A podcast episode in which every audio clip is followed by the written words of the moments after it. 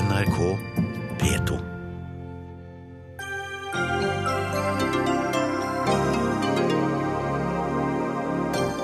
Frp vil gjøre som danskene og beslaglegge verdisaker og penger fra asylsøkerne, og får delvis støtte fra Arbeiderpartiet. Respektløst, dette blir vi ikke med på, sier Venstre. NRK med flest presseetiske overtramp igjen. Mange av journalistene ser på seg selv som ufeilbarlige, kritiserer Skibsted-redaktør. Taxfree-butikkenes ansatte må feste klistremerker på vinflasker for ikke å bryte forbudet mot alkoholreklame. Regelrytteri, stønner Venstres Sveinung Rotevatn. Og byrådet i Oslo lovet snøfrie sykkelveier, men allerede etter første snøfall er løftet brutt.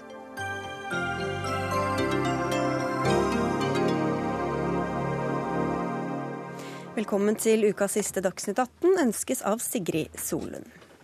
Denne uka har Danmark vedtatt en omstridt lov som innebærer at myndighetene kan beslaglegge penger, verdisaker og smykker verdt mer enn 10 000 kroner fra hver asylsøker.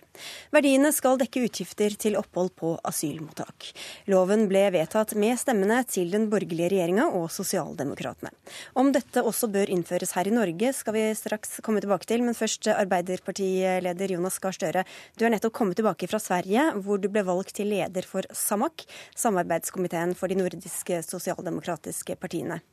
Arbeiderpartiene i Danmark og Sverige har jo valgt eh, til dels forskjellige tilnærminger og strategier for å håndtere flyktningkrisa. Hvem er du mest på linje med, svenskene eller danskene? Jeg tror vi erfarer i nordisk samarbeid at her ligger Norge et sted mellom Sverige og Danmark. Eh, jeg opplever vel at vi både fra dansk og norsk side ser at Sverige er inne i en veldig endring. Eh, at 160 000 asylsøkere i 2015 har ført til at det nå er en uh, gransking hos svenskene til å finne rett vei videre.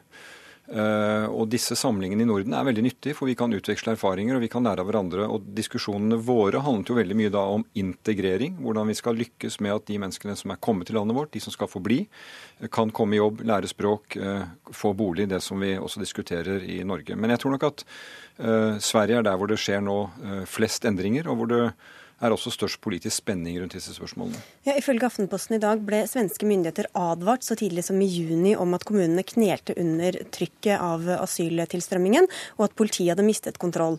Likevel holdt den sosialdemokratiske statsministeren Stefan Löfven flere taler hvor han ønsket flyktninger velkommen, før de altså endret kurs 24.11. Hva syns du om hvordan svenske sosialdemokratene har taklet det? Ja, men la oss begynne tilbake til den borgerlige regjeringen. Fredrik Reinfeldt sa i grunnen eh, det samme. Det gikk over flere år, og flere av av eh, deres nordiske kolleger har stilt spørsmål ved hvor lenge det kan vare før Sverige får problemer med å håndtere det på en ordentlig måte. Og når det nå kom til en endring, så var det fordi at man rett og slett ikke hadde tak over hodet på folk. Men hvordan syns du de har taklet det, dette med hemmeligholdet og Nei, jeg syns, det, jeg syns at samfunnsdebatten er for lite åpen. Eh, vi hadde et eksempel vi hadde så vidt oppe i Stortinget nå for noen dager siden. Det som skjedde i Køllen og Stockholm, eh, hvor politiet skal ha dysset ned eh, helt klare brudd på svenske regler og normer for å ikke skape konflikt. Vi må ha en åpen samfunnsdebatt om disse temaene. Og jeg syns at man i Sverige har hatt en for lite åpen samfunnsdebatt. Jeg tror det er i endring nå. Men jeg er jo glad for at vi i Norge f.eks. i Stortinget har enstemmighet på veldig mange av de områdene for å håndtere disse spørsmålene, spørsmålene, mens man i Sverige har et veldig høyt konfliktnivå i Riksdagen. Men En ting er jo debattklima, men hva syns du om hvordan sosialdemokratene har taklet det? Nei, jeg mener Alle svenske partier har kommet for sent til en erkjennelse at de må gjøre endringer i politikken.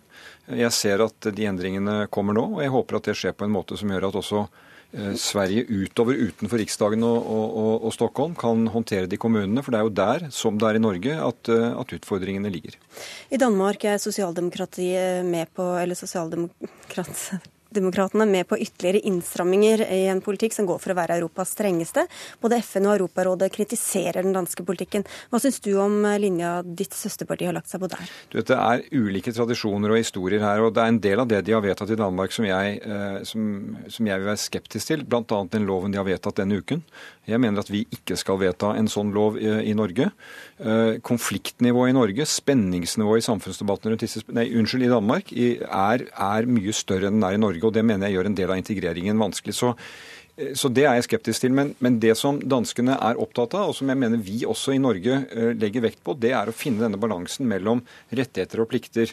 Gjør din plikt, krev din rett. Det er det viktig også å ha med oss inn i håndteringen og møte med de menneskene som skal integreres. Og Det er også veldig viktig for å sørge for at du lykkes med å lære språk, få jobb og en lønn du kan leve av på en anstendig måte. Og Da er vi inne på dette lovforslaget, nemlig at man skal se hva asylsøkerne har av verdier, som du til dels åpner for også på spørsmålet Nei. i går. Forklar hva er det du egentlig ser for deg. Jeg skal forklare det veldig klart. Altså, det er, eh, hvis, du, eh, hvis du har eh, verdier penger, eh, en formue når du kommer til Norge og søker om asyl, så er det rimelig at du da dekker noen av de utgiftene fra dine egne penger. Sånn som vi har i det norske systemet. Hvis du søker om sosialhjelp og du har penger, så blir det trukket. Hva slags formue da? Hva slags Nei, sum ser du på altså, Poenget er at vi har regler for dette allerede i Norge i dag. Eh, det gjøres slike vurderinger. Hvis du kommer og har store biler, en campingvogn, så kan man stille spørsmål om ikke du skal veksle noe av de verdiene inn. Hvis du har formue over 5000 kroner, kan det spørsmålet komme opp. Det de gjør i Danmark, er å lage en lov som jeg mener mener er ment på å virke skremmende. De skal beslaglegge og konfiskere verdier. Det hører ikke noe hjemme. Gå inn og se på hva folk har av smykker og affeksjonsgjenstander. Men prinsippet, helt fra starten å si at hvis du er i en situasjon hvor du har penger, har formue, så er det rimelig i vårt system at du da bidrar. Det gjør faktisk eldre mennesker på institusjonen i Norge. De må også bidra med noe av sin eh, formue hvis de har det. Du må bidra mer, Trine Skei Grande, Venstre-leder. Hva syns du om det Støre sier? Ja, det han sier nå er jo noe helt annet enn det som er foreslått i Danmark. Det som er foreslått i Danmark, mener jeg er ganske rått. Eh, og det å ha en retorikk som legger seg opp imot at man har god sans for de forslagene, det syns jeg er ganske hårreisende.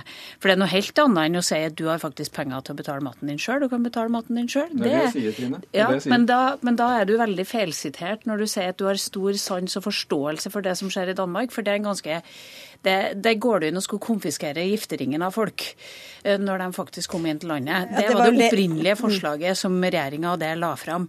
Og det som skremmer meg litt i den offentlige debatten nå, det er at Frp legger fram en del forslag mange av dem er enig i. Det går helt fint, men de har en retorikk som er av og til motbydelig.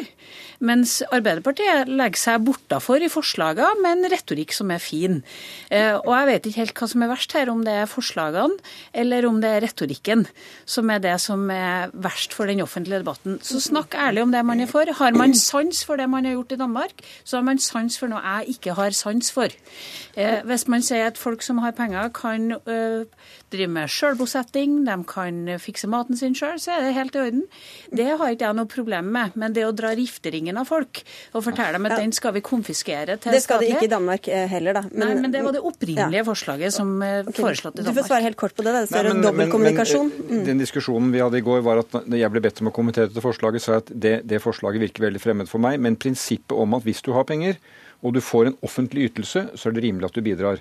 Og jeg tror for at vi skal få god forståelse i samfunnet for at vi faktisk stiller opp med skattebetalernes penger for å betale for de som kommer på mottak, norskundervisning osv., så, videre, så er det rimelig at det samme prinsippet som gjelder for oss i Norge, nemlig at hvis du har en formue av penger, så skal du bidra. Det er jo en dobbeltkommunikasjon her når man sier at man har sans for det forslaget i Danmark. For det prinsippet som Støre nå beskriver, er jo det prinsippet vi har stort sett alt overalt. Ja, men, vi må slippe til. Men, bare si at Da er poenget det at det danskene har vedtatt, vil aldri jeg foreslått. Jeg viste til at vi har et regelverk i Norge som sier at hvis du kommer, så får du kartlagt om du har okay, formue, om du har eiendeler, og da må du bidra. Vi kan dykke litt ned i det etterpå, men Masiar Keshvari, du er innvandringspolitisk talsperson i Frp. Jeg regner med at du vil si noe om den motbydelige retorikken du blir beskyldt for, men hvis vi tar dette forslaget først, så er vel dere egentlig enig i det som kommer fra Danmark?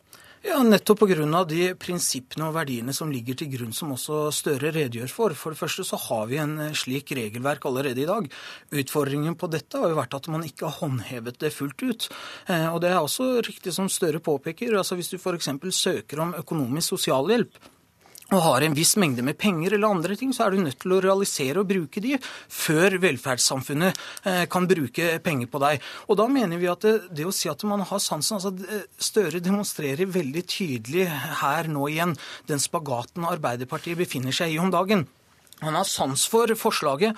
Han mener prinsippene som ligger til grunn og verdiene er helt relevante, nemlig at har du penger, så kan du bruke det før eh, skattebetaleren skal ta deg av det. Men han er ikke for å håndheve det. Han er ikke for å vedta lover som gjør at det er mulig å håndheve det. Og blir, Hva blir igjen da, bortsett fra et slag i luften? Men vi skal bare, før vi går videre, skal vi bare si at regelverket i dag er vel en grense på 5000, og da skal du, du skal selv rapportere hva du har, også, men praksisen er at, at de legger beslag på campingvogner biler osv. Og, så og store kontantbeløp.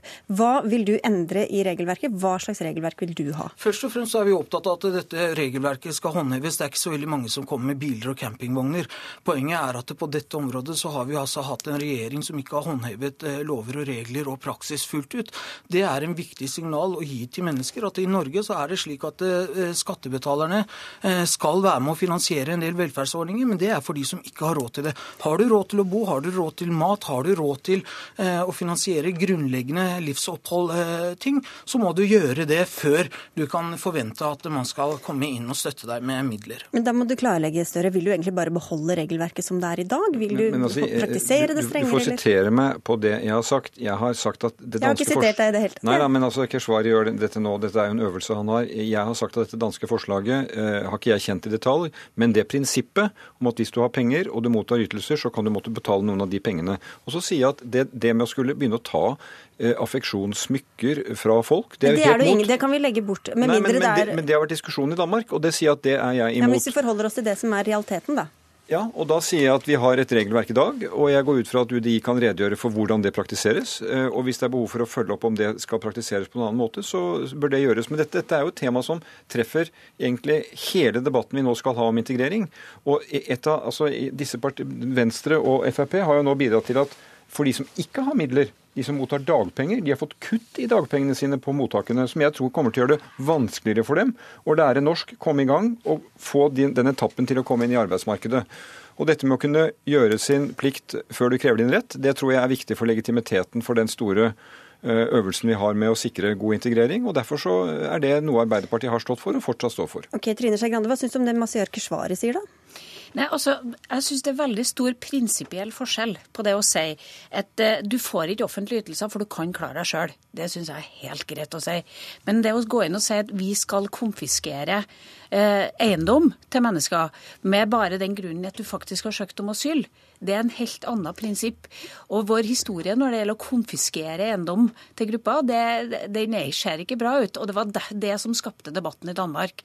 Det er, konfiskering, ja, det er konfiskering av eiendom. Og det er noe annet enn å si at du får ikke hjelp, for du kan klare deg sjøl. Det syns jeg er helt greit. Så hvis Men, de kommer med masse verdifulle saker, så skal de ikke trenge å selge det uansett hva det er? Ja, poenget er at jeg er for større grad av sjølbosetting. Jeg er for større grad av ansvar for hver enkelt. Men hvis du virkelig vil ha ned utgiftene i dette systemet, så er det jo bare én ting å gjøre. Det er å få ned saksbehandlingstida. Få folk, folk, folk ut i jobb. Få dem til å betale skatt, og lære dem det som er den norske samfunnskontrakten. Du får trygghet og sikkerhet, og du bidrar som du kan inn i samfunnet. Og Det er jo ikke asylsøkernes feil hvis de blir sittende lenge på mottaket og til slutt ender opp enten de blir her eller må reise uten noe kapital eller, eller verdier i det hele tatt. Hvor rettferdig er det systemet da?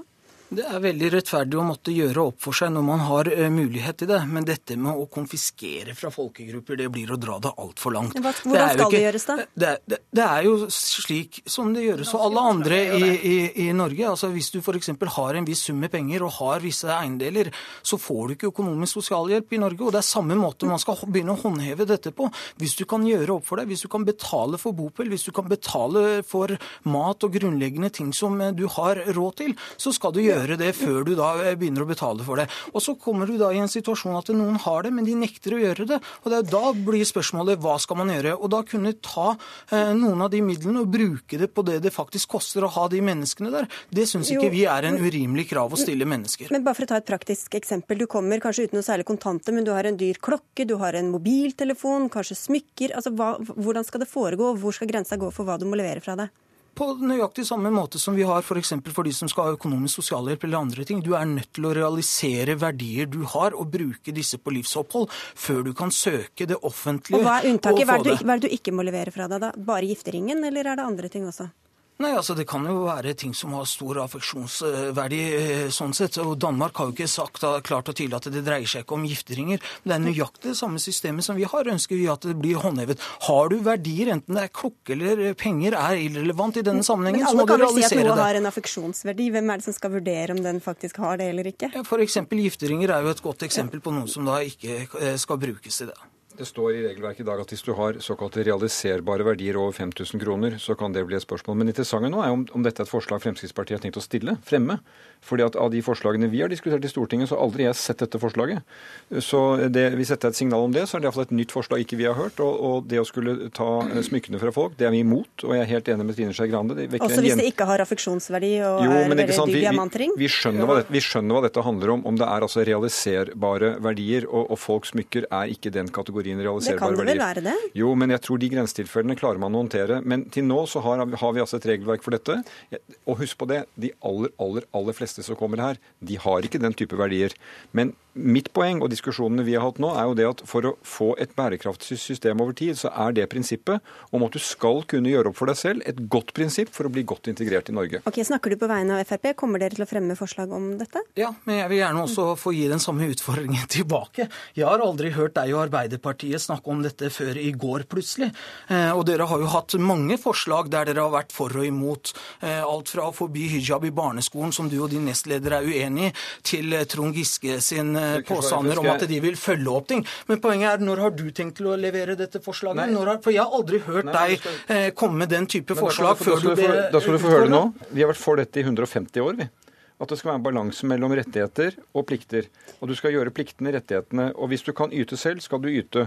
Det er det prinsippet. Det står i et regelverk i dag. Hvis den regjeringen du representerer, ikke klarer å praktisere og håndheve det regelverket, gå til regjeringen og få dem til å gjøre det. Hvis du vil fremme et nytt forslag av det i Danmark, frem det, så skal du få et klart svar fra Stortinget. Og Trine Skei Grande, Hva ser du er forskjellen på disse to herrene ved din side? Da? Noen er viktig, dyktige til å dobbeltkommunisere og har det som en egen øvelse. Men hva er det som er men... dobbeltkommunikasjon hvis han bare vil beholde det regelverket vi har? Nei, det er når man går ut i avisa og sier at man har sans for det danske systemet. Jeg synes at På søndag skal vi feire kongejubileet.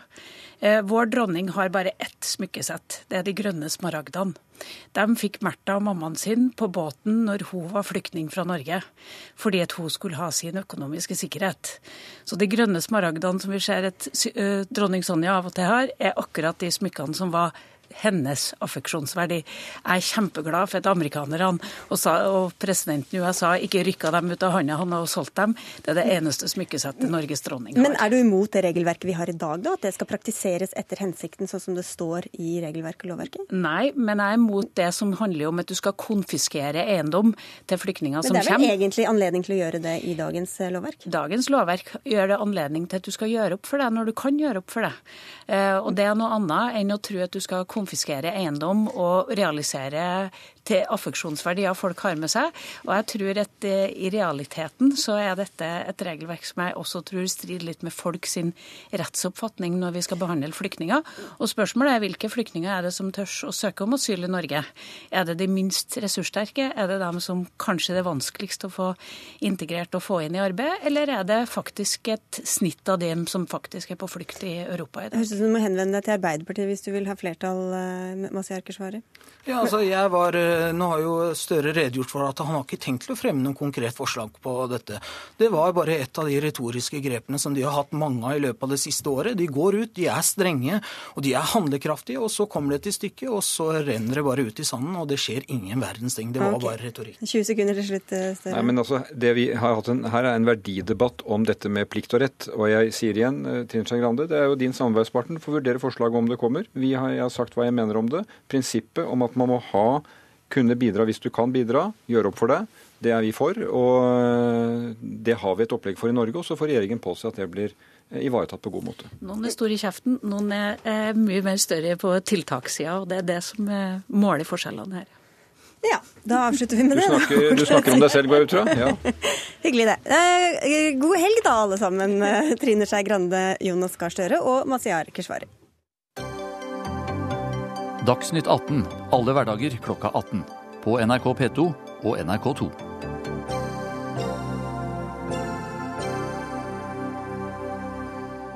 Og her skal det igjen dreie seg om Statoil, landets største selskap. For Rødt mener at Høyre driver kraftig dobbeltkommunikasjon når representanter for partiet på den ene sida sier det er umusikalsk å betale ut 23 milliarder kroner i utbytte, og samtidig ivrer for at Norges største selskap fortsatt bør være børsnotert.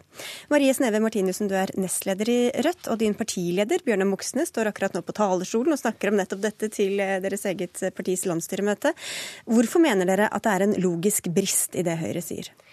Jo, fordi det Høyre her gjør, eller Astrup i alle fall har gjort, er at man klager over at Statoil oppfører seg sånn som et eh, børsnotert selskap eh, bruker å oppføre seg, uten å ønske å gjøre noe med det. For Hvis man har lyst til å gjøre noe med den situasjonen, at man gir milliarder i utbytte med den ene handa samtidig som man sier opp tusenvis av ansatte med andre handa, så er den eneste logiske måten å løse det på med en Rødt å ta Statoil av børs. Og det er hovedsak to grunner til at det er en god idé å gjøre. Eh, for det første så får man da muligheten for å styre selskapet etter helt andre og ikke kortsiktige eh, logikken som dominerer på aksjemarkedet, og for det andre kan man bruke selskapet i en grønn omstilling. Vi kan jo komme tilbake til hva som ville skjedd hvis man tok det av børs, men, men dette med altså, Nikolai Astrup og Tina Bru, som var de som var ute om dette, de sa vel ikke nødvendigvis at de ville gjøre noe med det? De sa bare at det var umusikalsk, og bør ja. vel ikke dermed følge deres program av den grunn? Eller? Nei, det, men det er mer det at nå eh, har den eh, situasjonen som er Statoil er i, den har blitt diskutert mye i den politiske debatten de siste ukene, og det er mange, både Høyre og Arbeiderpartiet og andre partier, som mener at det her er feil på en eller annen måte, eller eh, ikke passende, eller ja, umusikalsk og sånne ord. Og det man da gjør, er at man, man skyver ansvaret bort fra politikerne og sier at eh, vi er imot det her, men styret i Statoil bestemmer styret i Statoil gjør det her. Eh, så på den måten så, så skyver man ansvaret bort fra politikerne, eh, og på en måte later litt som at det er ikke noe vi kan gjøre med det uansett. Men eh, det er jo politikerne som har børsnotert Statoil, og, som på samme måte kan eh, ta Statoil av børs. Da får vi ønske velkommen til deg, Svein Flåtten. Du er finanspolitisk talsperson for Høyre. Dine partikolleger Tina Bru og Nikolai Astrup er ikke her, som alle som følger oss på TV kan se. Men eh, de kan ikke si det de sier uten å ta følgene av det, vi, hører vi Rødt si her, altså. Jo, de eh, sier ikke noe galt. De eh, sier at statens styringsprinsipper, hvor det er styret som, som håndterer dette, og som, som, velges, og som har ansvaret for, for driften og forvaltningen, de prinsippene ligger fast. Og så deltar Bru og Astrup i den debatten som går om utbytte i ja. Statoil. Det har de sagt noen ting om. Og jeg de, de, mener at... Bare for å si hva de sier, da. De, de, sier vi stiller spørsmål ved om utbyttet burde vært betydelig lavere, og kanskje ned mot null i en tid der selskapet bruker mye penger. Nettopp. Og det gjør de fordi at de arbeider innenfor dette fagfeltet, energi og miljø. Eh, de snakker med bedriftene, de snakker med de som rammes av, eh, av oppsigelser, eh, frykt for at de skal miste jobbene osv. Det er helt naturlig at dette er ting som man snakker om i disse miljøene. Og at de da har disse tankene, det synes jeg er helt legitimt. Og hvis vi går tilbake og ser hvordan posisjonspolitikere til enhver tid har håndtert Eh, slike situasjoner på Stortinget. Så en rekke eksempler. Jeg har sittet lenge i næringskomiteen og sett posisjonspolitikere fra mm, de som da satt i regjering, ytre seg på den måten. Men det rokker ikke ved styringsprinsippene, og akkurat det har også Bru og Astrup sagt, at det gjør det ikke. Ja, så De sier der da, er jo at de, de kan godt eh, forarge seg over det eller være uenige, men, eh, men det er styret i det børsnoterte selskapet som, som, bestemmer. og Det er jo akkurat det Rødt mener at er en dårlig idé. Vi mener jo at Statoil burde være styrt på samme måte som Statoil ble fra 72 til 98 når det ble privatisert. At det var de langsiktige konsekvensene for norsk industri og norsk økonomi som er viktig. Og Spesielt nå når vi står overfor en omstilling av industrien, så er det veldig viktig å ha det næringspolitiske redskapet som Statoil egentlig har vært for Norge lenge, og som, som burde være for for Norge. Og da slapp dere å si at det var umusikalsk. Kunne bare gjort noe med det, Svein Flåtten, og sagt uh, her tar vi styringa sjøl? Det som uh, Rødt sier, og glemmer, er jo historien. De er jo fullstendig historieløse. De har glemt den suksesshistorien som Statoil har vært etter privatiseringen, som ikke minst Telenor har vært etter privatiseringen, som har blitt et verdensomspennende selskap med millioner av abonnenter, mens de av oss som er litt voksne, husker at vi måtte vente noen år på å få telefon i det hele tatt. Sånn at dette har vært en fantastisk fin utvikling. Og det aller viktigste ved det, sånn som jeg ser det som finanspolitiker, er at dette er en risikospredning. Altså Telenor gikk inn i nye markeder, Statoil gikk inn i nye markeder. Nå ønsker Rødt å gå inn i det grønne skiftet. Det vil de gjøre med bare statlig kapital. De vil gjøre det med bare valgte politikere som skal styre dette. Det er jo nå vi har en situasjon som kaller på å få frem kapital, også fra de private, som skal være med å risikere, fordi at det er markedet som må finne løsningen på det grønne skiftet.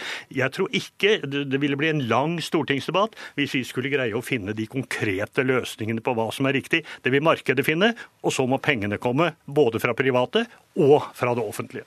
Men her høres det ut som det er dette allmektige markedet da, som skal finne løsningene, mens den, den, kunnskapen og den kompetansen som sitter i Statoil, hos oljeingeniørene, hos eh, forskningssentrene og til og med hos ledelsen og de folkene som styrer Statoil i dag, den vil jo finnes uansett om Statoil er børsnotert eller styres eh, av eh, politiske retningslinjer, på samme måte som Flytoget gjør, eller Statkraft og mange andre selskaper som styres av staten. Så det, det, man gjør da, er jo bare å si at i stedet for å skulle lage et mandat som kanskje kan legge noen føringer på hvor hvordan styret til Statoil skal forholde seg til det. Og dermed kunne på en måte peke på, på børsnoteringa hver gang det skjer et eller annet. Og det har vært ganske mange kritiske debatter rundt Statoil de siste årene. Det er ikke bare en suksesshistorie. Men hvis de da var statlig styrt av eh, med, med dere, f.eks.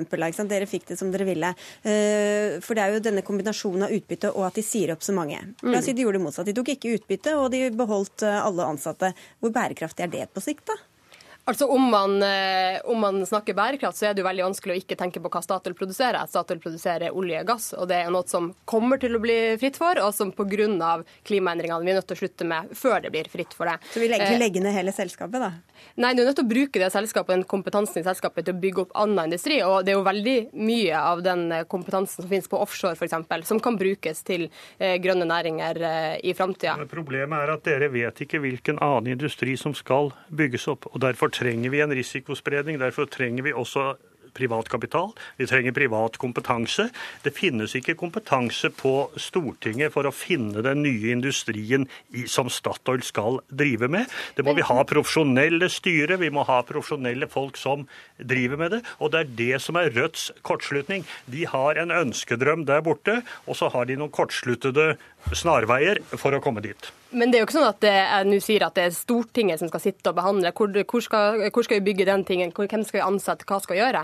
De her flinke folkene som nå styrer Statoil i dag, ville jo kunne gjort det, selv om eierstrukturen var annerledes. Og det er jo litt rart å sitte som bestemte det, f.eks.? Ja, det kunne vært, og det styret kunne vært, eh, vært da hele, eller selskapet kunne vært heleid av staten, sånn som det er i det hele selskapet i dag. Og det er jo litt rart å sitte i Norge og si at de trenger privat kapital. Altså, Norge har jo, eh, har jo definitivt muligheten for å bruke sin kapital. Men for oss så er noe av poenget at vi ønsker denne risikospredningen. Når vi går inn i nytt, ukjent terreng, så sier vi ikke som så at hvis dette går galt, så sender vi hele regningen til skattebetalerne. Den må deles på, og derfor så er dette de offentlige og det private som må finne veien, men, men, og markedet vil føre oss dit. Nå var det jo sist Nikolai Astrup og Tina Bru. Tidligere har det vært andre også som har revet seg litt i håret når de har sett eh, lønninger, opsjoner, og de har sett tjæresand og mange ting som politikerne kanskje ikke liker så godt. Det frister ikke å få litt mer styring over Statoil og andre? Det vi da ville fått, det ville vært at eh, i fire år så ville man styrt selskapet den veien. I de neste fire årene, da valget gikk den andre veien, så ville man styrt selskapet den veien. Hvordan skulle et stort internasjonalt selskap operert i den bransjen de er i, med så liten forutsigbarhet. Nå forstår jeg at ikke man behøver å bry seg om eh, kapital og den type ting, for eh, her skal det brukes av eh, skattebetalernes penger når man taper penger. Men det må være en forutsigbarhet for å kunne vinne frem i disse markedene. Det er ikke bare med hvem som eier, men det er også hvordan man forholder seg i forhold til underleverandører. Og Statoils modell har jo brakt en rekke selskaper, særlig på underleverandørsiden, også av utlendinger, til Norge og styrket dette miljøet. Men når du snakker om denne risikospredninga, så er det jo det som skjer i dag. Risikoen spres. Altså, Aksjonærene får fortsatt det utbyttet de skal ha, mens de ansatte blir satt opp. Så det er på en måte den risikospredninga som vi har i dag, eh, og det mener vi da er en helt feil Jeg skjønner det er et problem at de som eier noe, får eh, utbytte, men eh, det kommer Høyre til å fortsette å mene ganske lenge. Det var vel ikke noe bombe, det. Vi får si takk til dere begge, Svein Flåtten fra Høyre og Marie Sneve Martinussen fra Rødt.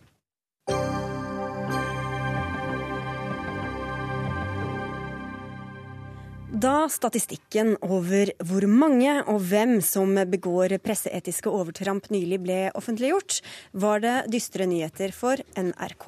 Allmennkringkastingen er nemlig øverst på lista med ti fellelser fra Pressens faglige utvalg, som er pressens eget klageorgan. Og dette skriver du om, Bernt Olufsen, du er redaktør i Skipsted Media Group. Hvor dramatisk er dette for NRK, mener du? Nei, altså Det er ganske alvorlig for uh, NRK som uh, statens allmennkringkaster, syns jeg. NRK er avhengig av uh, en høy troverdighet for å kunne fylle den rollen i fremtida. Så den utviklingen kan ikke fortsette. Nei, Men alle journalister må jo jobbe innenfor regelverket og med etikk osv. Hvorfor er det spesielt beklagelig at NRK for disse følelsene? Jo, altså I kommersielle medier, som jo også av og til begår overtramp, så kan jo leserne si at uh, det mediet vil jeg ikke forholde meg mer til, fordi at jeg har ikke noe tillit til det. Men en statlig finansiert allmennkringkaster er jo en særstilling og helt avhengig av uh, den tilliten fra publikum som finansierer Bjarne Kalbakk, du er etikkredaktør i NRK. Hva er det som svir mest i denne saken? Det er jo eh, sånn det svir å gjøre feil. Eh, og det er klart at det påvirker, påvirker troverdigheten vår. Og i fjor så hadde vi for mange fellelser i PFU, og vi hadde for mange av de fellelsene igjen som handlet om det viktige journalistiske håndverket. Det å være presise med å sjekke fakta, eh, la den som blir angrepet få komme skikkelig til ordet, vite hva slags kontekst og sammenheng man skal Eh, være med i saken i, hvilke spørsmål som kommer opp osv. Så, videre. så jeg er helt enig med Bernt Olufsen at som lisensfinansiert allmennkringkaster så forventes det spesielt mye av oss, og da må vi rett og slett bli bedre enn vi var i fjor. Vi kan jo snart snakke om hvorfor det er blitt sånn, men først Bernt Olufsen. Det er jo sånn at NRK har jo ekstremt mange redaksjoner. Mange TV, det er nett, det er radio, det er mange kanaler osv. Er det sammenlignbart, eh, disse fellelsene med NRK og f.eks. VG eller Dagbladet? Det er ikke så merkelig at NRK er den institusjonen eller det mediet som får flest klager.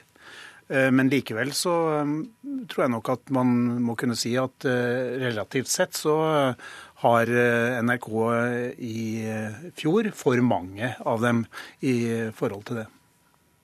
Ja, Det er jeg helt enig i. Hvis vi da går ett år tilbake i tid, i 2014, og hvor vi da året før hadde satt i gang et stort arbeid for å skjerpe inn eh, presseetikken i redaksjonene, eh, så hadde vi to, én eh, fellelse og én kritikk i løpet av hele året. Og det må kunne sies å være et akseptabelt nivå for et så stort mediehus. Men vi ser at nå har det, har det glippet igjen, og dette er ikke ett sted. Det er sju forskjellige redaksjoner land og strand rundt som står for disse overtrampene. Da må vi jobbe bredt med å bli bedre. Hva sier det, det om det arbeidet dere satte i gang, da?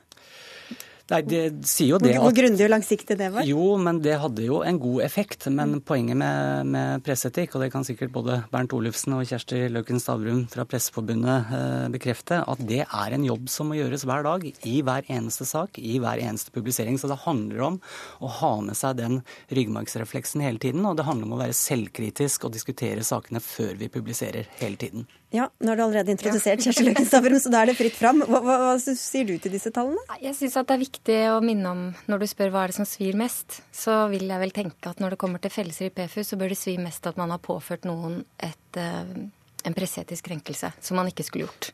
Eh, og i det materialet i, i bruddene i NRK, så er det jo mennesker som som har hatt, eh, påført, hatt, fått det vondt da, e, etter det NRK har gjort. Og det er klart at eh, pressen skal jo kritisere og være kritisk. Og de fleste oppfatter det som vondt når det er sagt, men, men her er det jo snakk om eh, presseetiske brudd. Og så er det helt riktig det Kalbakk sier, at presseetikk det er ferskvare. Det må man diskutere hele tiden, og den kommer i helt nye former hver gang man lager en ny sak. Så, så det er nok viktig å, å holde dette levende også. Bernt Olufsen, du skriver um, i dette innlegget ditt at du har hatt mange samtaler med NRK-journalister opp gjennom årene, og at mange anser seg som ufeilbarlige, ja nærmest gudesendt av staten for å opplyse folket eller avsløre kritikkverdige forhold der hvor markedskreftene rår. Ja, det er litt uh, spissformulert, men uh, det er nok følger jeg et snev av sannhet i det. Jeg tror det er en kultur, har vært en, i, for høy grad en kultur i NRK for å møte problemstillinger med forutinntatte holdninger. Eh, i og for seg med et ideelt utgangspunkt å være maktkritisk, men eh, som det påpekes også i noen av disse uttalelsene fra PFU mot, eh, mot NRK, så skal man undersøke fakta først, før man legger vinkling på saker. Og noen av de fellelsene som man har fått, der har man ikke gjort det i tilstrekkelig grad. Det hender jo NRK får beskyldninger om å ha en politisk agenda i noen visse saker, Kolbakk? Mm. Ja, men jeg må si at jeg uh, kjenner meg ikke igjen i det bildet som Bernt Olufsen tegner. At det er journalisten her går rundt og føler seg ufeilbarlig. Det er i hvert fall ikke mitt, mitt, inntrykk. Jeg har jobbet som redaktør i mange år i NRK, men også i halvannet år i Dagbladet. Og jeg opplever at det jobbes med på samme måte. Og så er journalister forskjellige. Uh, noen kan nok være noe mer kjepphøye uh, enn andre i NRK som i alle andre redaksjoner. Men det, vi, det jeg i hvert fall har erfart, er at de gangene journalister myndigheter har gjort feil, og som påfører andre skader, og som påfører NRK eh, fellelse i PFU og omdømmetap, så er det i hvert fall ikke kjepphøye da. Og enkeltjournalister som eh, er, opplever å bli felt, de lærer som regel mye av det, men vi må bli enda bedre til å lære kollektivt av det. Det er nok ikke noen uh, politiske agendasaker, sånn som jeg kan se det i, i dette materialet. Men, men, men, det man nok uh, kan ta seg tid til nå som NRK veldig bra har fått en egen etikkredaktør, er jo å diskutere om det oppstår slags, et slags sånn gruppetenkning i, i, noen redaksjoner. At man i for liten grad går, tar et skritt tilbake og, og, ser om man har lykkes i å belyse en sak fra flere sider. For journalistikk skal gjøre det. Det skal, skal ikke bare gå i én retning. Eh, og, og, i fjor brukte vi brukte offentligheten veldig mye plass på journalistikk f.eks. i Brennpunkt. Veldig mange saker ble klaget inn eh, fra, eh, fra Brennpunkt. og, og og Tidvis sto jo på en måte journalistiske metoder mer i søkelyset enn hva Brennpunkt-redaksjonen ønsket å bringe fram. Eh, og det tenker jeg at er en viktig diskusjon å ta seg tid til.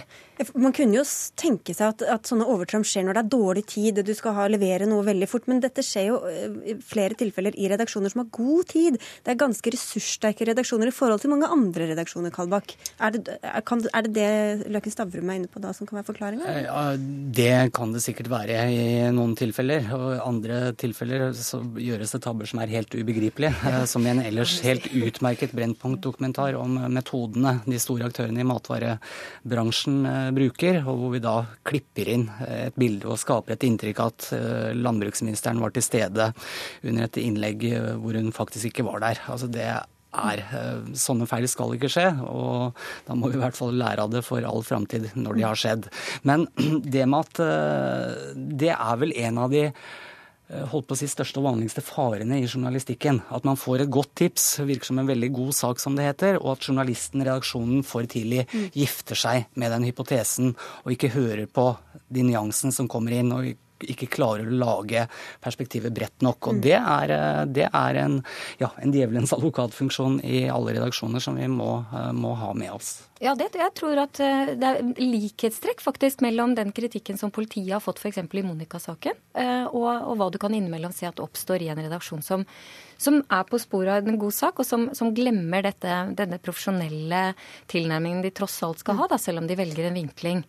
Mm. Bernt Olufsen, du eh, har jo jobba lenge i eh, VG. Eh, man kan jo også spørre seg om hvor godt bilde PFU-fellelsene gir av hva som er etisk og moralsk forsvarlig i pressen. Altså kan, andre kan jo operere på, på innsiden, eller på, innenfor grensen av Vær varsom-plakaten, uten at det nødvendigvis er så høyverdig eller etisk, eh, alt det de holder på med? Jo, men Det ligger i journalistikkens natur at man jobber ofte opp mot eh, grensene. Men det som jo er viktig, er at man ikke jobber over dem. Uh, og det som jeg tror uh, er viktig, er at man lærer av de uh, uttalelsene som PFU kommer med, at de diskuteres veldig grundig i redaksjonene. Og så tror jeg at det er vel slik også nå at NRK på en måte i større grad enn tidligere jobber på samme måte som også kommersielle eh, medier. Og det innebærer kanskje en noe større risiko også for å, å, å havne i denne fella. Hvor, hvor, godt bilde vil du si det gir av etikken, for å si det sånn? Løkenstavlen? Nei, det gjør ikke egentlig det. fordi at Fellelsen i PFU er jo et uttrykk for hvem som har klaget, eh, men som føler seg selv krenket, da, eh, og, og som har vunnet fram.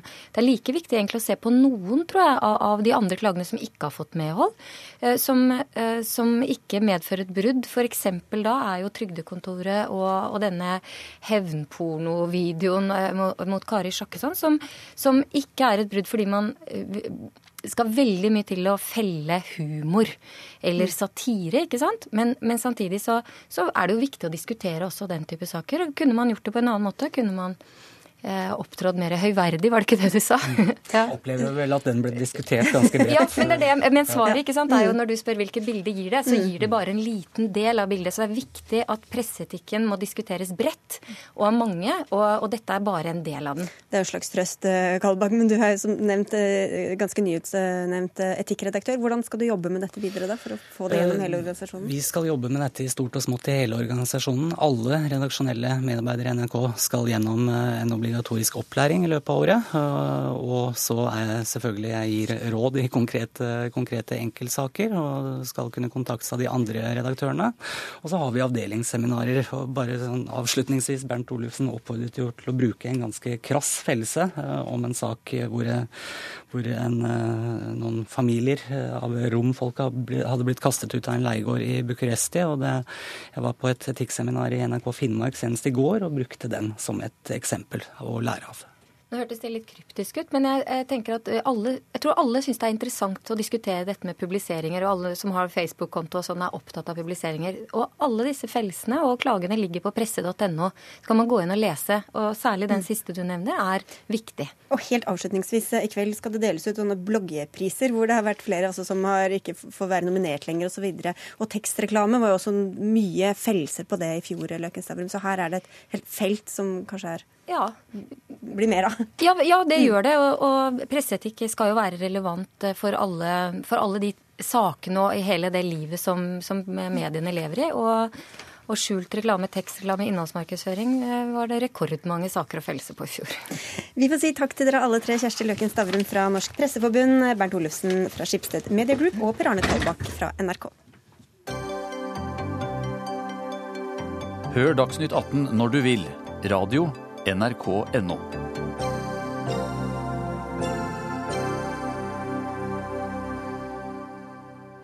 Taxfree-butikker må sette ansatte til å klebe klistremerker på vinflasker fordi strekkoder på etikettene er i strid med forbudet mot alkoholreklame. Det kunne vi lese i Aftenposten i dag. Disse strekkodene kalles QR-koder, og hvis forbrukerne vil finne ut mer om vinen de vurderer å kjøpe, kan de skanne koden og havne på en kommersiell nettside. Og dette volder dere hodebry og medarbeid, Håkon Dagestad. Du er kommunikasjonssjef i Travel Retail Norge, som altså driver taxfree-butikkene på de største flyplassene. Kan ikke du beskrive hvordan dette Eh, puslearbeidet går for seg? Jo, For første så er det ikke bare vi som må det, men også vin, Vinmonopolet eh, må det. Eh, og det vi får er at Ca. en tredjedel av flaskene våre har disse QR-kodene. Og De fører normalt til en, til en nettadresse til produsenten. Og det vi har gjort da, er at vi har kjøpt ganske mange tusen klistrelapper, og så må man manuelt sitte og klistre på. Og I tillegg så er disse QR-kodene forskjellig størrelse, er på forskjellige steder på flaskene, så blir, det blir ganske mye arbeid. Paradokset er jo at nettadressen, som, altså www at et eller annet, den er lov. Men en QR-kode som fører til samme sted, er ikke lov. Du kan ha det på etiketten, besøk oss på www ja. osv. Det er helt, helt lovlig. Men hvis QR-koden leder deg til samme side, så er det ulovlig. Mm. Uh, og det virker ganske unødvendig. Og hvor mye tid og penger bruker dere på det her, da? Nei, altså Vi har tatt litt tid. altså Hvis vi funnet at du bruker i gjennomsnitt uh, eh, 15 sekunder per flaske, så kommer dette til å koste oss 3 millioner i året. Dere har jo god råd, da. Jo, men det er jo ikke bare oss. Men jeg tror også problemet er litt sånn for, for Helsedirektoratet og for, og for alkohollovgivningen. For det er klart at jeg tror ikke det er veldig mange som tror at QR-koder er et problem. Og det tror jeg undergraver en god og streng alkoholpolitikk, eh, når det er så mye annet man heller burde jobbe med. Og dette skjedde altså, ble, ble innført 1.11. fra Helsedirektoratets presiseringer til eh, alkohollovgivningen. Hanne Cecilie Vinnestø, generalsekretær i den russpolitiske organisasjonen IOGT. Hva er det som er negativt med med denne QR-koden, hvor man lett kan bare skanne og komme videre med telefonen? Først må jeg si at Vi har et reklameforbud som er effektivt for å forebygge russkader. Eh, det har stor oppslutning. Rundt 80 av oss eh, ønsker å beholde forbudet sånn det er i dag. Eh, og så har vi et reklameforbud som burde være både konsekvent og medienøytralt. Det har blitt noe uthullet i det siste med endringer i regelverket. Så vil det jo alltid være gråsoner. Sånn er det. Ehm, det har kanskje blitt flere gråsoner nå enn det tidligere, fordi at vi har fått en del nye sosiale medier som gir noen store utfordringer, og vi har fått mobilen rett i lomma som også gir en del nye utfordringer. Men dette bør være innenfor det som er forbudt? Eller? Ja, det er jo spørsmålet. Her handler det jo om dette her altså Skal du, skal du selge produkt på det norske markedet, så får du forholde deg til det norske regelverket. Her er det ikke profitt eh, på omsetning av alkohol som er det viktigste, men at vi rett og slett bevarer et godt regelverk. Og Så kan man stille spørsmålet om det er noe vesentlig forskjell mellom at det står en webadresse eller nettadresse på flasken, eh, som det er lov til å gjøre, og at det i tillegg ligger en, ligger en QR-kode der. Mm. Um, dette er jo ikke ingen nødvendigvis noen stor sak, men det er viktig å være litt prinsipiell på å holde, liksom, bevare noen grenser. QR-kodene de settes der um, sannsynligvis av bransjen, fordi at de vet at det er en bedre måte å nå målgrupper på. Mm. Vi, vet også at, ja, vi vet også i dag at QR-kodene gir en, en, mulighet til å samle informasjon om de som skanner inn, og kunne målrette uh, markedsføringen rett i lomma til de som har skannet inn tidligere. Sveinung Rotevatn fra Venstre, regelrytteri kaller du det? Ja, det er det jo helt åpenbart. Ehm, jeg vet ikke om det er stor grunn til å bekymre seg. Altså, hvis du har tenkt å gjemme vekk noe informasjon, så tror jeg en QR-kode er en god plass å starte. Det, er ikke, det blir ikke så mye brukt. Eh, og dette er en litt sånn kuriøs sak. Eh, men da jeg leste denne saken i dag, så tenkte jeg litt på eh, da jeg var i Teheran. Fordi Da gikk jeg gjennom en basar der, og der har de ulike boder som selger teppe og krydder og sko. Og En av de bodene solgte jo da kvinneundertøy. Og det var jo mye fra Vesten. Og på pakningene så er det da typisk bilder av ei kvinne med kvinneundertøy. Og Da hadde jeg da funnet fram noen sånn sprittusjer og tusja over skuldrene til de som var på innpakningene, for at en ikke skulle se det.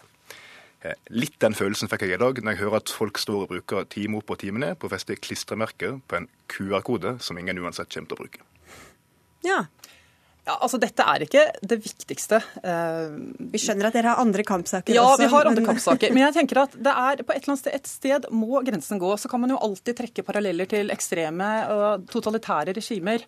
Eh, og det kan man gjøre på veldig mye av det som handler om alkoholforbud. Også man kan latterliggjøre veldig mange av de tiltakene som er der for å trekke noen grenser. Eh, vi tror Helsedirektoratet har trukket en god grense her. Dette her er Muligens at QR-koder, jeg vet ikke i hvilket omfang det er, men dette her er en mulighet til å kunne markedsføre alkohol enda mer målrettet inn mot publikummet. Altså, og det, det var, plattformen de bruker mest. Det var ikke meninga å kalle det totalitært, det var meninga å kalle det litt pussig eh, og litt rart. Og eh, jeg tror ikke det er noen på Stortinget, eh, selv om vi eh, flertallet på Stortinget ønsker en streng alkoholpolitikk og et reklameforbud, som mener at det skal være forbudt å ha en QR-kode på en vinflaske som noen i en villfarelse kan finne på å bruke til å komme seg inn på en nettside. Eh, eh, dette tror jeg er noen i et direktorat som har sittet og uh, tolka regler litt i lengste laget og har funnet at dette må være forbudt. Jeg tror at her kan det være smart at noen tar et lite grep og sier at nei, vi ser gjennom fingrene med det. Men hvorfor kan dere ikke heller kontakte leverandørene og be dem lage De lager jo forskjellige flasker til ulike land osv. fra før av. Ja, altså på, på tobakksprodukter så er det veldig greit, for det er noen få store aktører som lager til det norske markedet. Men, men å få en familiegårdsprodusent i Chile til, til, å gjøre om Er det dem dere har eh, ja, vin fra i Blant annet. Eller, eller, en stor fransk produsent også, men til å gjøre om altså Det, det er relativt sånn lite produkt. ikke sant? På, jeg eh, tror Vinmonopolet har 4000 leverandører. Eh, at alle de skal, skal gjøre om, går ikke. Men jeg tror uansett det viktige her, her er, er at alkoholreklameforbudet er bra, men dette er å gå for langt. Og jeg tror det liksom underminerer litt den norske strenge linjen når folk kommer i butikken og spør hvorfor i Guds navn og rike er flasken min full av klistrelapper.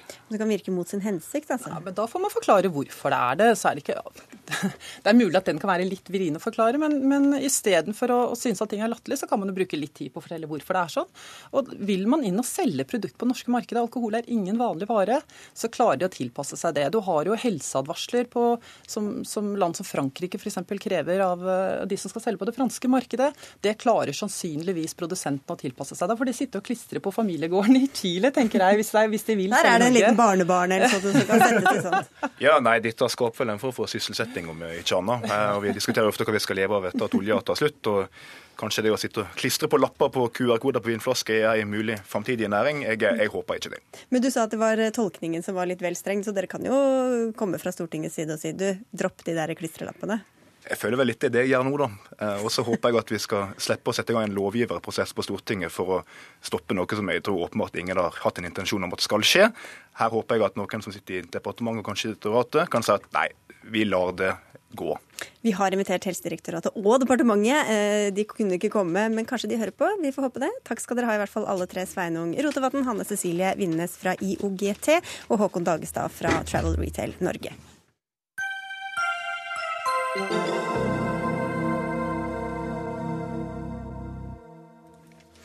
Oslo skulle bli sykkelby nummer én, vinter som sommer.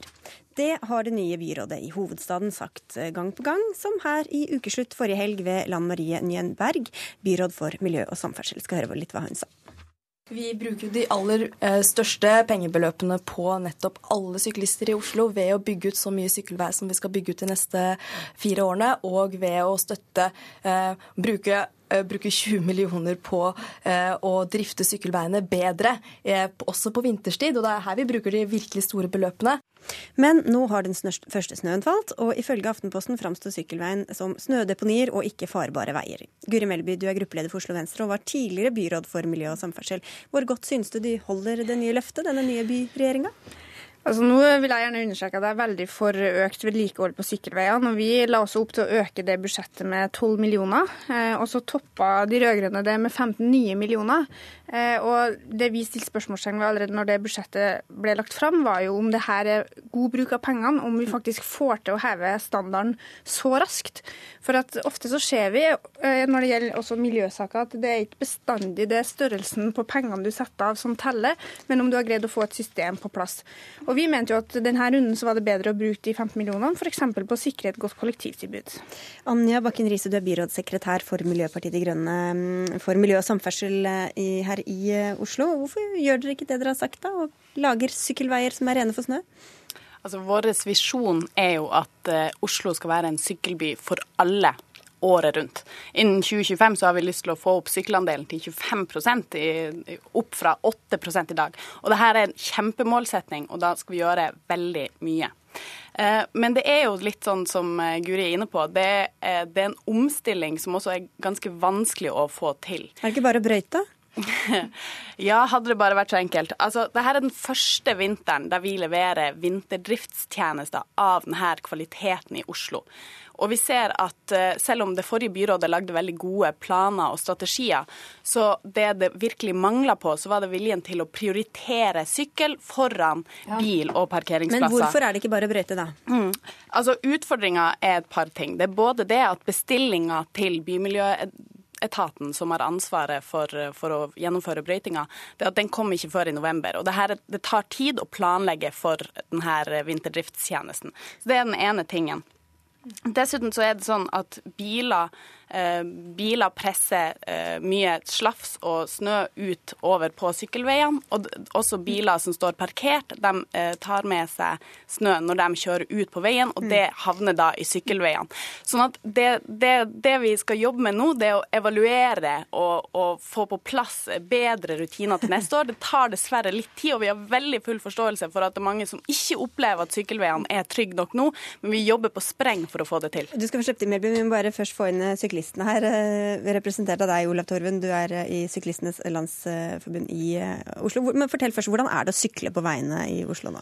Altså, det er jo fortsatt ikke noe sånn, veldig greit å sykle på, på sykkelveiene i Oslo, spesielt ikke på vinterstid. Men jeg må jo si at, at det blir jo bedre. når jeg har prøvd å liksom, sjekke litt hva andre som sykler mye på vinteren har sagt òg, og de sier jo at det har blitt bedre. Og jeg får si at jeg syns jo Guri Melby gjorde en utmerket jobb da hun var byråd òg.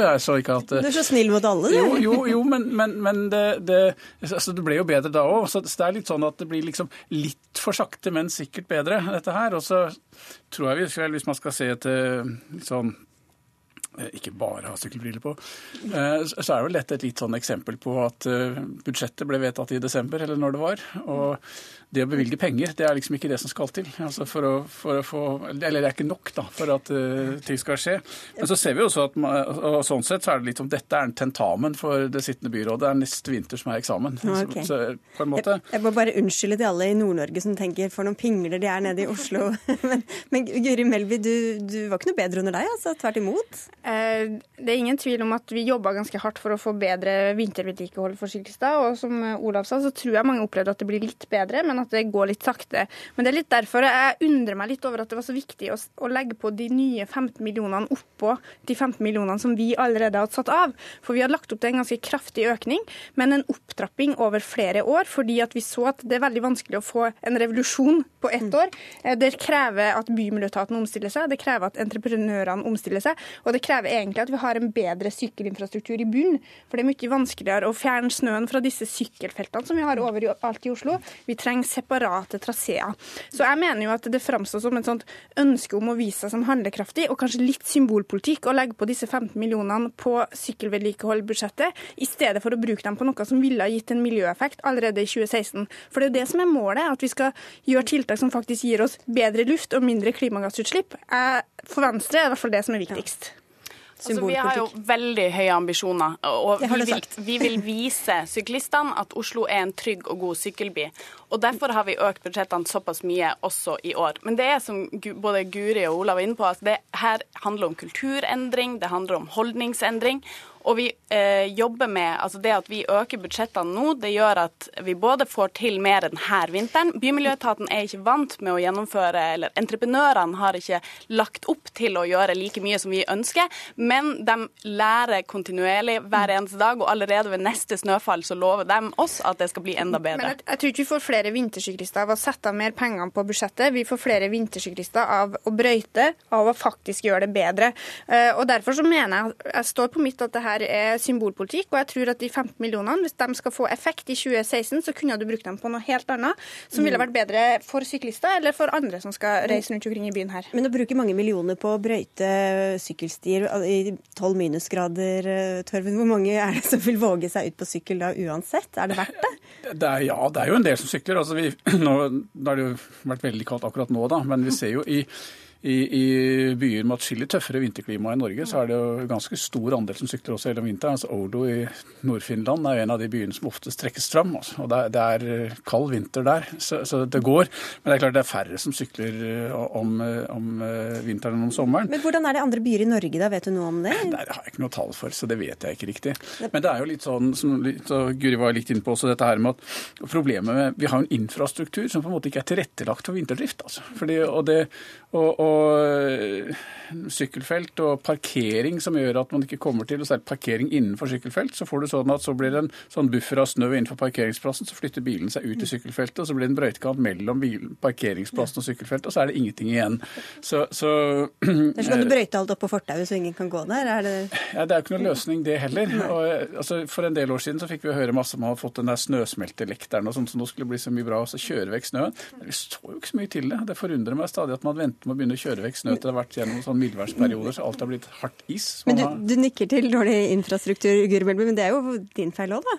Ja, altså eh, Over mange år så var sykkel altfor lavt prioritert i Oslo. Eh, Venstre prioriterte opp da vi kom inn i byråd for fire år siden, og presterte et ganske kraftig løft for sykkel. Vi oppretta Sykkelprosjektet, som har fokus på nettopp det med drift.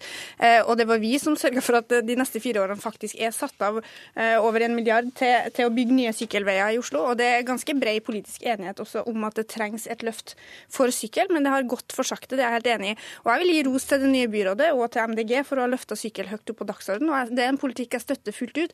Men jeg tror samtidig at for mange så kan det bli opplevd som litt hult når man skal på en måte prøve å gjøre så mye på kort tid, og så, og så skjer ikke noe likevel.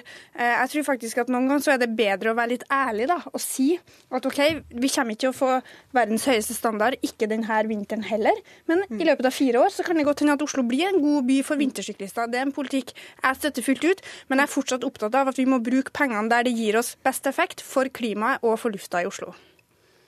Altså, Vi ser jo at det er mange som også gir oss positive tilbakemeldinger. At det har faktisk blitt litt bedre denne vinteren. Men så er vi helt i begynnelsen av snøfallet, og så lærer vi som sagt hver eneste dag og blir stadig litt bedre. Så er det også sånn at de pengene som har blitt satt av, det handler jo ikke bare om brøyting, og heller ikke bare om brøyting denne sesongen. En del av de pengene går jo også til eh, utbygging av sykkelvei allerede i år, og tilrettelegging for sykkel. Og det vi er opptatt av, er at folk flest må se at vi eh, både vi setter av penger, vi har høye ambisjoner, og vi kommer i gang. Og det, vi er i gang. Um, allerede forrige uke så lanserte vi et tiltak der vi eh, støtter mennesker som har lyst til å eh, sykle elsykkel, eh, opp til Mm, 5000 det har vi kroner per sykkel. Den har vi vært sant? gjennom noen Nei, men, men, Mm. men greia er at vi viser folk at vi satser på sykkelen, og penger er en del av det. Vi er nødt til å avslutte. Ja, du skal ut og kaste deg på sykkelen, Olav Bare si at det er eh, at eh, det har blitt bedre, men det er fortsatt ikke godt nok. Så, så, og, og, det, og, og det, så håper vi at det liksom kanskje akselererer litt etter hvert. Og vi vil veldig gjerne få tilbakemeldinger fra folk. Eh, gi oss tilbakemeldinger, så skal vi bedre oss. og så syns jeg jo de kan gi Venstre litt kred for at du kom til dekka bord. det får bli utenfor studio. Dere får ha Tusen takk for at dere kom. Dag Dørum, Lisbeth Sellereite og jeg, Sigrid Solund, ønsker takk for følget og god helg.